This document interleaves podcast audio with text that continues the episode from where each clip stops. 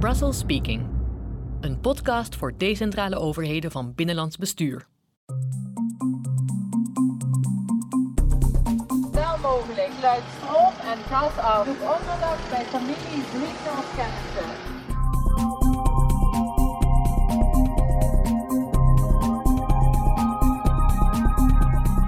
De ramp was zo groot dat eh, 1500 gezinnen uit hun huizen zijn gemoeten. En op dit moment, en dan praten we dus over in februari 2022, er nog 150 nog steeds niet terug kunnen. En we nu moeten gaan nadenken hoe we verder kunnen gaan voorkomen dat dit nog een keer gebeurt.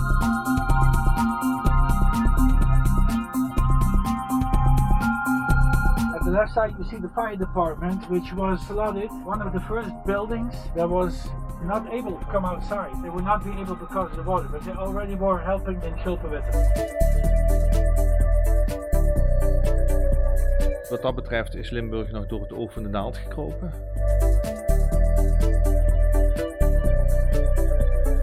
Mein Haus ist zerstört. Ich muss auch zur Miete wohnen im Moment. Auch meine Söhne haben ihre Unterkünfte verloren, müssen alles wieder aufbauen.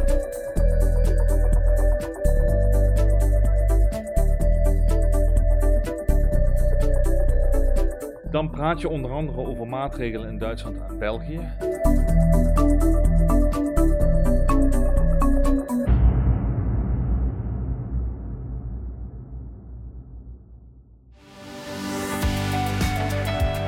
Olá, vanuit Brussel. Ja, παρακαλώ, από τις Hallo, hier Brussel. Brussels speaking een podcast voor decentrale overheden van binnenlands bestuur. Over het klimaat, digitalisering, democratie en samenwerken over de grens. Simon Trommel is onze reizende EU-correspondent. Hij haalt u informatie op in Brussel en Straatsburg en elders uit de Europese Unie.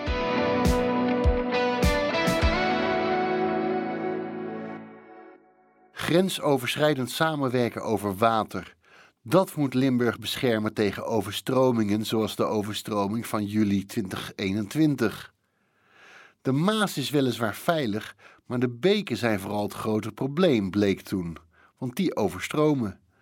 U hoort straks CDA-europarlementariër Tom Berendsen, die grensoverschrijdende samenwerking steunt en het liefst een regionaal deltacommissaris ziet in het zuiden. Ook praten we met de Limburgse gedeputeerde Lia Roefs, die uitlegt hoe het komt dat Limburg, het hoogst gelegen deel van Nederland, steeds overstroomt. En we praten met deskundigen van het waterschap. Limburg stroomde deels over in de zomer van 2021. Hevige regenval zorgde voor grote wateroverlast in de Eifel bij Bonn, de Ardennen en in Limburg. Limburg kreeg ook nog eens veel water uit de Ardennen en de Eifel te verwerken. In de Ardennen en de Eifel vielen maar liefst 200 doden en alleen al in de Eifel is de schade tientallen miljarden. In Limburg bleek het een beetje mee te vallen, als ik het zo mag zeggen. De schade is afgeschaald van 1,8 miljard naar ongeveer 500 miljoen euro, is nu de verwachting. De Limburgers willen samen met de Duitsers en de Belgen bekijken hoe het hele gebied waterveiliger kan worden. Want waterprogrammamanager Theo Reinders, die met de provincie en waterschap werkt aan het water, ziet dat de nood hoog is, zeker gezien de hoge aantallen slachtoffers in de buurlanden. Wat dat betreft is Limburg nog door het oog van de naald gekropen. Ehm, dus het is, eh, er zijn zeker eh, slachtoffers te betreuren. Ehm, het is nog maar de vraag of de schade die in België bijvoorbeeld is geweest, of dat hetzelfde stroomgebied is als waar we in Nederland het probleem hebben ervaren. Dus als je die ene euro in België inzet, waar zetten zij hem dan in? Dus is het toverwoord grensoverschrijdende samenwerking. Een van de klachten is dat de schadeafhandeling traag gaat. Op dit moment is een derde van de bijna 2800 meldingen in Limburg afgehandeld, ruim 1000 stuks.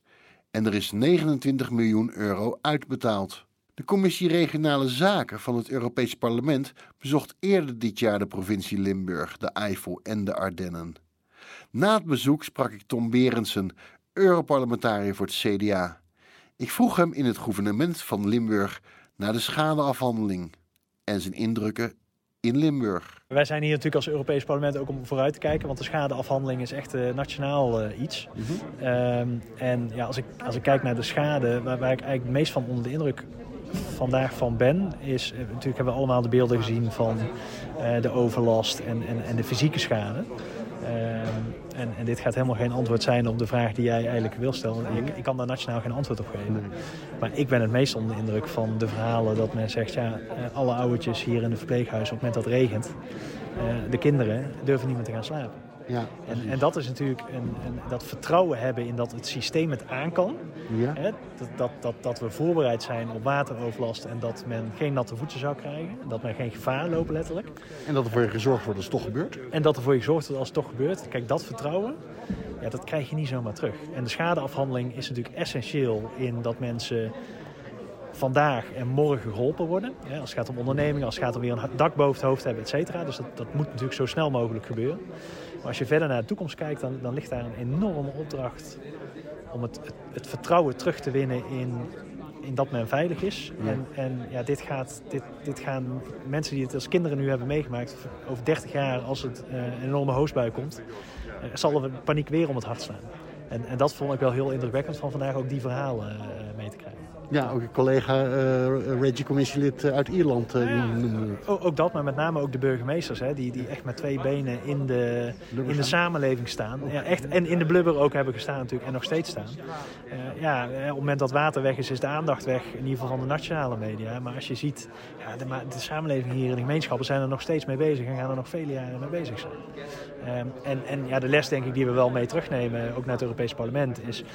Ja, dit, dit, los je niet in één land op. Hier heb je echt grensoverschrijdende samenwerking nodig. En ook voor Nederland zou het best wel zo kunnen zijn dat een euro die wij mee investeren over de grens in, in een hoger gelegen gebied, um, ja, dat het ook voor, voor uh, het vechten tegen het water hier wel eens heel efficiënt zou kunnen zijn. En ja, daar heb je grensoverschrijdende samenwerking ja, voor nodig. En dat is er nog niet, hè? Dat is er nog te weinig. Hè. We hebben vandaag wel gehoord dat er op projectbasis zijn natuurlijk allerlei grensoverschrijdende projecten. Maar ik denk dat je hier een, integrale analyse nodig hebt en een integraal uitvoeringsplan. Hoe zorgen we ervoor dat we in al die regio's die in dit gebied liggen, dat we maatregelen nemen die ja, elkaar versterken en elkaar helpen. Um, uh, en ja, volgens mij, dat is er nog niet. En moet dat zou er wel moeten van, komen. Moet het initiatief van onderop komen uit Limburg of moet Ja. het van, van bovenaf Ja, komen? ik heb hier ook gezegd, hè, volgens mij moet je nooit voor, die, voor de coördinatie daarvan eh, naar Brussel kijken. Hè. Dat moet natuurlijk uit de regio komen. Maar ik zou het wel heel interessant vinden om het concept wat we hier ook vandaag gehoord hebben, de, de Delta-commissaris voor Nederland.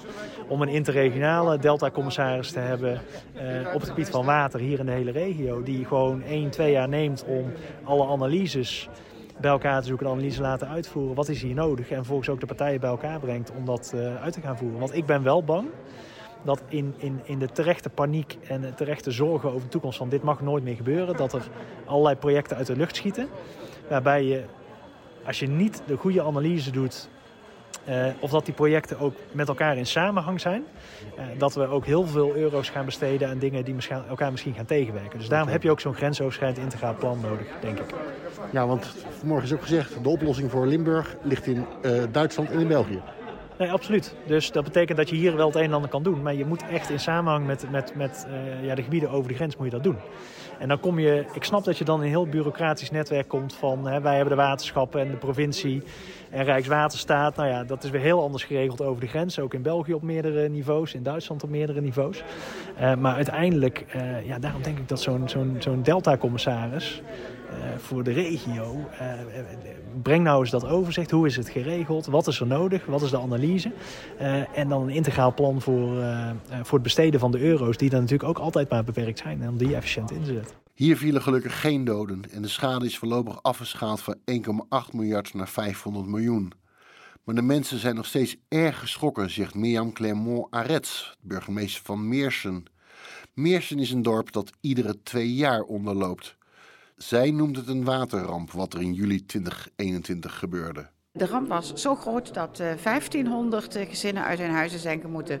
En op dit moment, en dan praten we dus over 5, 5, februari 2022, er nog 150 nog steeds niet terug kunnen. En we nu moeten gaan nadenken hoe we verder kunnen gaan voorkomen dat dit nog een keer gebeurt. En die mensen, hoe is het daar nu mee? Want die ja. hebben dus geen plek. Nee, die wonen op andere plekken of in vakantiehuisjes of elders in andere gemeentes. Maar wat we vooral zien is dat er ook heel veel emotionele schade is. En mensen ook heel bang zijn. We hebben nogal wat kinderen die ook echt professionele begeleiding hebben. Omdat ze bij ieder buitje gewoon bang zijn, willen ze niet meer naar bed. Maar staan bij de storm die van de afgelopen ja, dagen? Ja, we hebben begin februari natuurlijk weer zo'n watersituatie gehad. En dan merk je echt dat kinderen heel bang zijn. Intussen leidde burgemeester Daan Prevot van Valkenburg de Regi-commissie van het Europees Parlement rond door Valkenburg. En in de bus vertelt hij aan de euro-afgevaardigden wat er gebeurde toen in juli 2021. De brandweer was zo aan het werk en dat was maar goed ook, want door het water raakte de kazerne plots geblokkeerd. At the left side, you see the fire department, which was right down in the center, and this was flooded. One of the first buildings that was um, not able to come outside. Our first responders were already helping in the city next door, so they were already outside. But if they had to um, to respond from this part, they would not be able because of the water. But they already were helping in uh, in Gulpenwitte. Ik sprak burgemeester Daan Prevot van Valkenburg naast een ingestorte brug. En ik vroeg hem wat hij in juli 2021 aan het doen was toen een tsunami van water van 500 meter breed de heuvels kwam afstromen. Ik was net 100 dagen burgemeester. En, uh, en ik uh, wilde eigenlijk een verhaaltje gaan schrijven hoe me dat bevallen was. En ik kreeg een telefoontje. En, uh, en ik heb laarzen aangetrokken, ben in het gebied en ben eigenlijk sindsdien niet meer weg geweest. Ik heb, ben gewoon sinds die dag eigenlijk bezig met niet alleen de crisis, maar ook de nafase. En nu te zorgen dat de mensen perspectief krijgen. Want ja, er zit natuurlijk met enorm veel vragen over de schadeafwikkeling. Ja, hoe gaat dat? Ja, dat gaat traag. Dat gaat op zijn Nederlands. Het is redelijk bureaucratisch ingericht. En uh, ja, het, het, is natuurlijk gemeenschapsgelden beschikbaar gesteld. En daar moet je natuurlijk voorzichtig mee omgaan.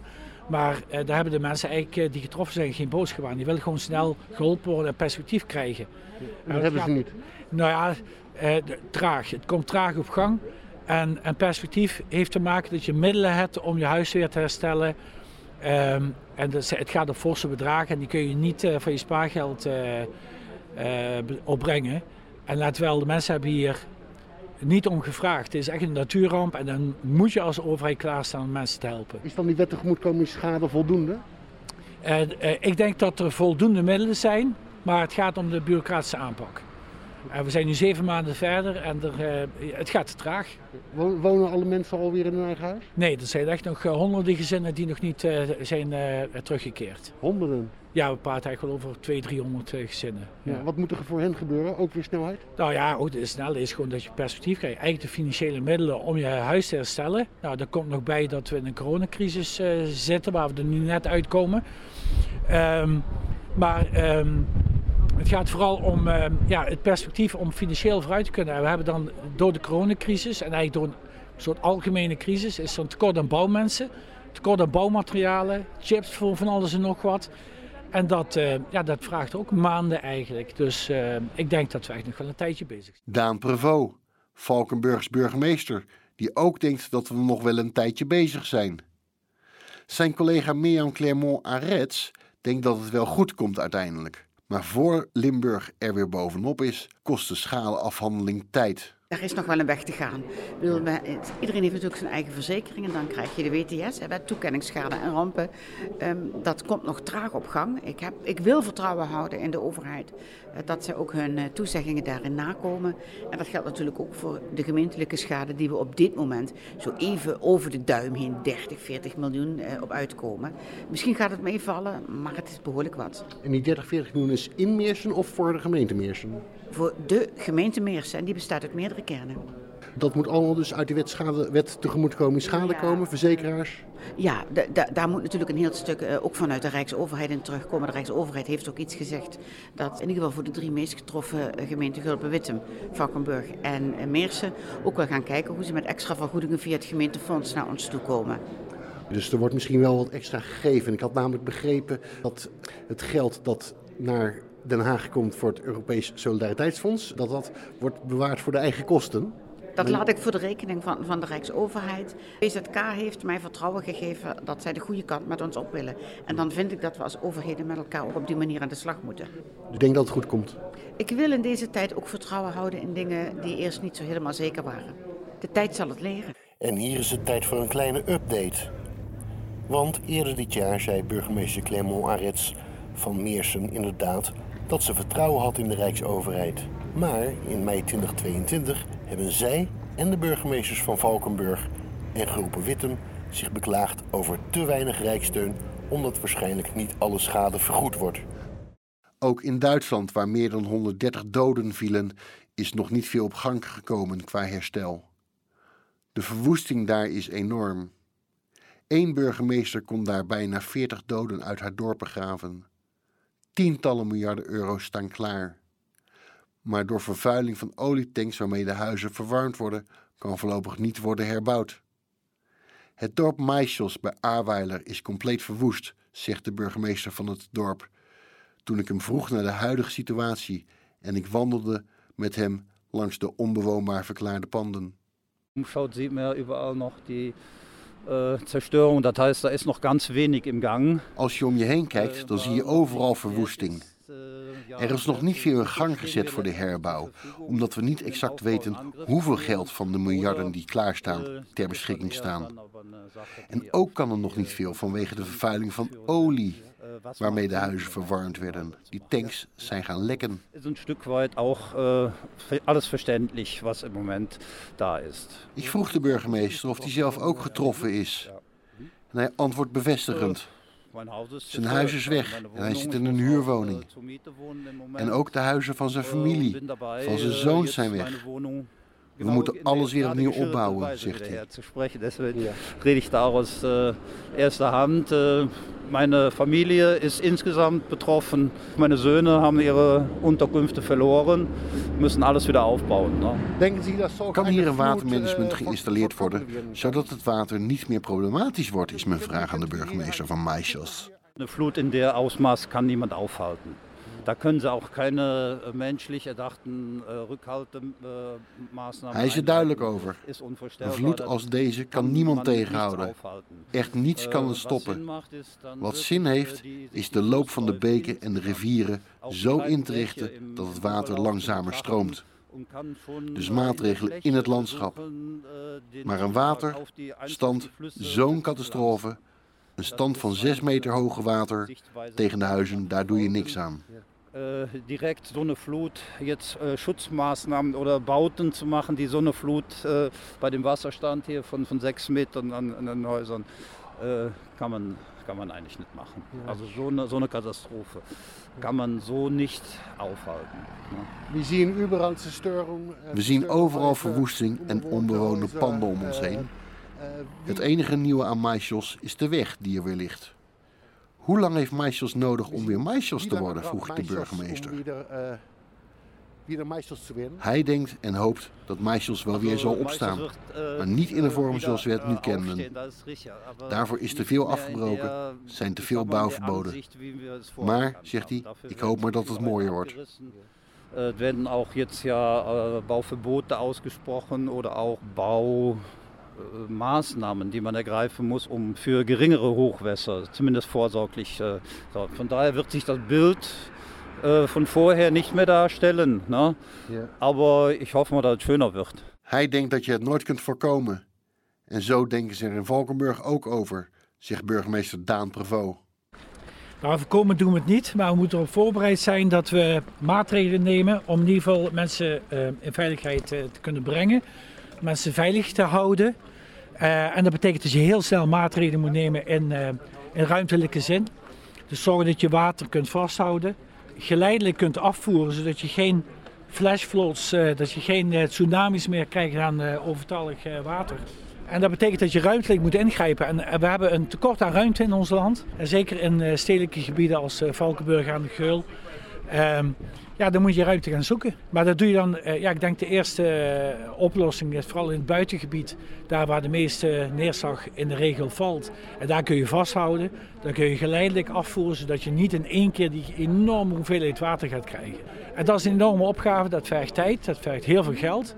En uh, ik denk meer dan uitstekende samenwerking met alle partijen die betrokken zijn. Zowel de landbouw, als de natuurmensen, als de, natuurlijk de belangen van het stedelijke gebied, de belangen van de economie. En grensoverschrijdend. Want wil je tot een aanbouw komen, dan moet je naar de bron. En de bron ligt wat uh, het heuvelland in Limburg betreft. Die liggen in de Eifel en in de Ardennen. Dus moeten samen met die landen de waterproblematiek worden bestreden. Dat had nogal wat voeten in de aarde, vertelt waterprogrammamanager Theo Reinders. Nou ja, wij hebben een ander systeem in de verschillende landen. Uh, wij hebben hier een waterschap, dat ken je in die vorm weer niet in de andere landen. Duitsland heeft wel weer wasserverbenden. En België heeft niet echt een waterautoriteit, zal ik, maar, eh, zal ik het zo maar even noemen. Dus je zit wel te, te, kijken dat er nog wat bruggen geslagen moeten worden tussen de verschillende organisatorische eenheden. Uh, Wie is de aanspreekpartner, is eigenlijk de vraag. Dat is, de, is een, een, belangrijke vraag, ja. En dat is in elk land verschillend. En uh, omdat ze en anders georganiseerd zijn, maar ook andere bevoegdheden hebben. Een wassenverband in Duitsland heeft weer andere bevoegdheden en heeft een andere democratische legitimatie dan wij met waterschappen hebben. En in, in België is het weer meer gemeentelijk en gewestelijk georganiseerd. Dus het is wel lastig om daar de juiste partijen met de juiste prioritering aan tafel te krijgen. Gedeputeerde Lia Roefs ziet uit naar samenwerking met de Belgen en de Duitsers. In Limburg worden plannen gemaakt om de beken en de kleinere stromen zo in te richten dat ze beter functioneren als er heel veel water komt. Voor de Maas is het al gebeurd, maar dus nog niet voor de beken en de kleinere stromen. Aan Lia Roefs de vraag hoe het moet gaan gebeuren. Ik denk dat we nog heel lang uh, moeten wachten voordat we uh, zeg maar datgene wat we bedacht hebben, hè, dat robuuste systeem, dat duurt nog een hele tijd. Um, en we hebben eigenlijk ook al wel gezegd dat zo'n bui zoals het nou was, ja, het is de vraag of je dat echt tegen kan houden. Dat, hè, je kan het verlichten, verzachten. We kunnen, denk ik, goed met mensen in gesprek gaan over hoe kan je het minder erg uh, laten zijn, de gevolgen. Maar echt helemaal tegenhouden, misschien is dat wel een illusie. Tegelijk moet de samenwerking met Belgen en Duitsers bazaal beginnen, door gewoon planningen te bespreken. Nou, gewoon laten we eens beginnen met elkaar op de hoogte te brengen van wat in de planning zit. He, want uh, straks was ook al even van misschien wordt er geld vrijgemaakt, maar wordt dat niet besteed in die regio waar wij uh, iets mee opschieten. Het is natuurlijk wel heel belangrijk als ik in, de, in Nederland aan het praten ben over water in Zuid-Limburg, dan denkt iedereen, hè, uh, Zuid-Limburg is ons hoogste plekje van Nederland en is het veiligst. En nou blijken we ineens het uh, laagste plekje in de Euregio te zijn. En daar, ja, daar, dat hadden we ons denk ik helemaal niet zo gerealiseerd. En dat is wel heel bijzonder.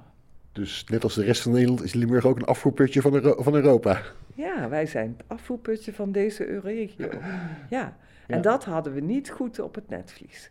Dat weten we nu heel goed, maar uh, ja, dat was toch heel confronterend. Aldus gedeputeerde Lia Roefs.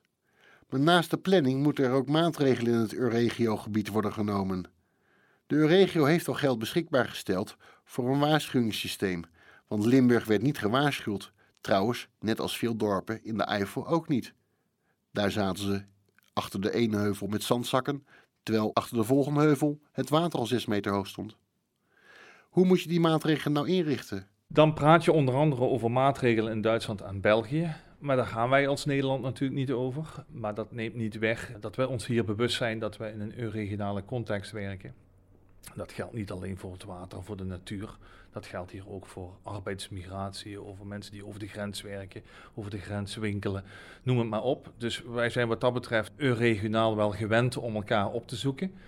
Wat je hier dan moet doen, is dat je de wateropgave als een apart fenomeen, als een apart hoofdstuk uh, moet, moet gaan zien. En daar toch een nieuwe impuls om aangeven. Dus zal maar zeggen, de, de samenwerking op dat vlak op een hoger niveau te tillen. Het gaat dan om maatregelen aan de bodem van bijvoorbeeld de Gul.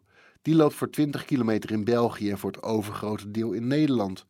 Maar door de stenige bodem stroomt het water heel erg hard naar beneden richting Nederland. De problematiek van de hoeveelheid water die uit de lucht komt vallen of die ergens vandaan komt, kunnen we natuurlijk nooit tegenhouden. Wat we wel kunnen doen is beheersmaatregelen, fysieke maatregelen proberen te treffen, die in ieder geval ertoe leiden dat je het water afremt, dat je het water ook vasthoudt, bergt en vertraagt, zodat ook die, die, die, die piekgolf er eigenlijk uitgaat, waardoor je het uh, beheersbaar kunt maken. We moeten stroomgebiedsgewijs gaan denken, zegt John Tobbe van het waterschap. En ook Nederlands geld in België moeten we bijvoorbeeld investeren voor Nederlandse veiligheid. Maar dat is nog lastig, vertelt John Tobbe van het waterschap. Lastig is vooral het feit dat rivieren door meerdere landen stromen die elk anders georganiseerd zijn. Wordt wel lastig. Waarom maakt het dat lastig?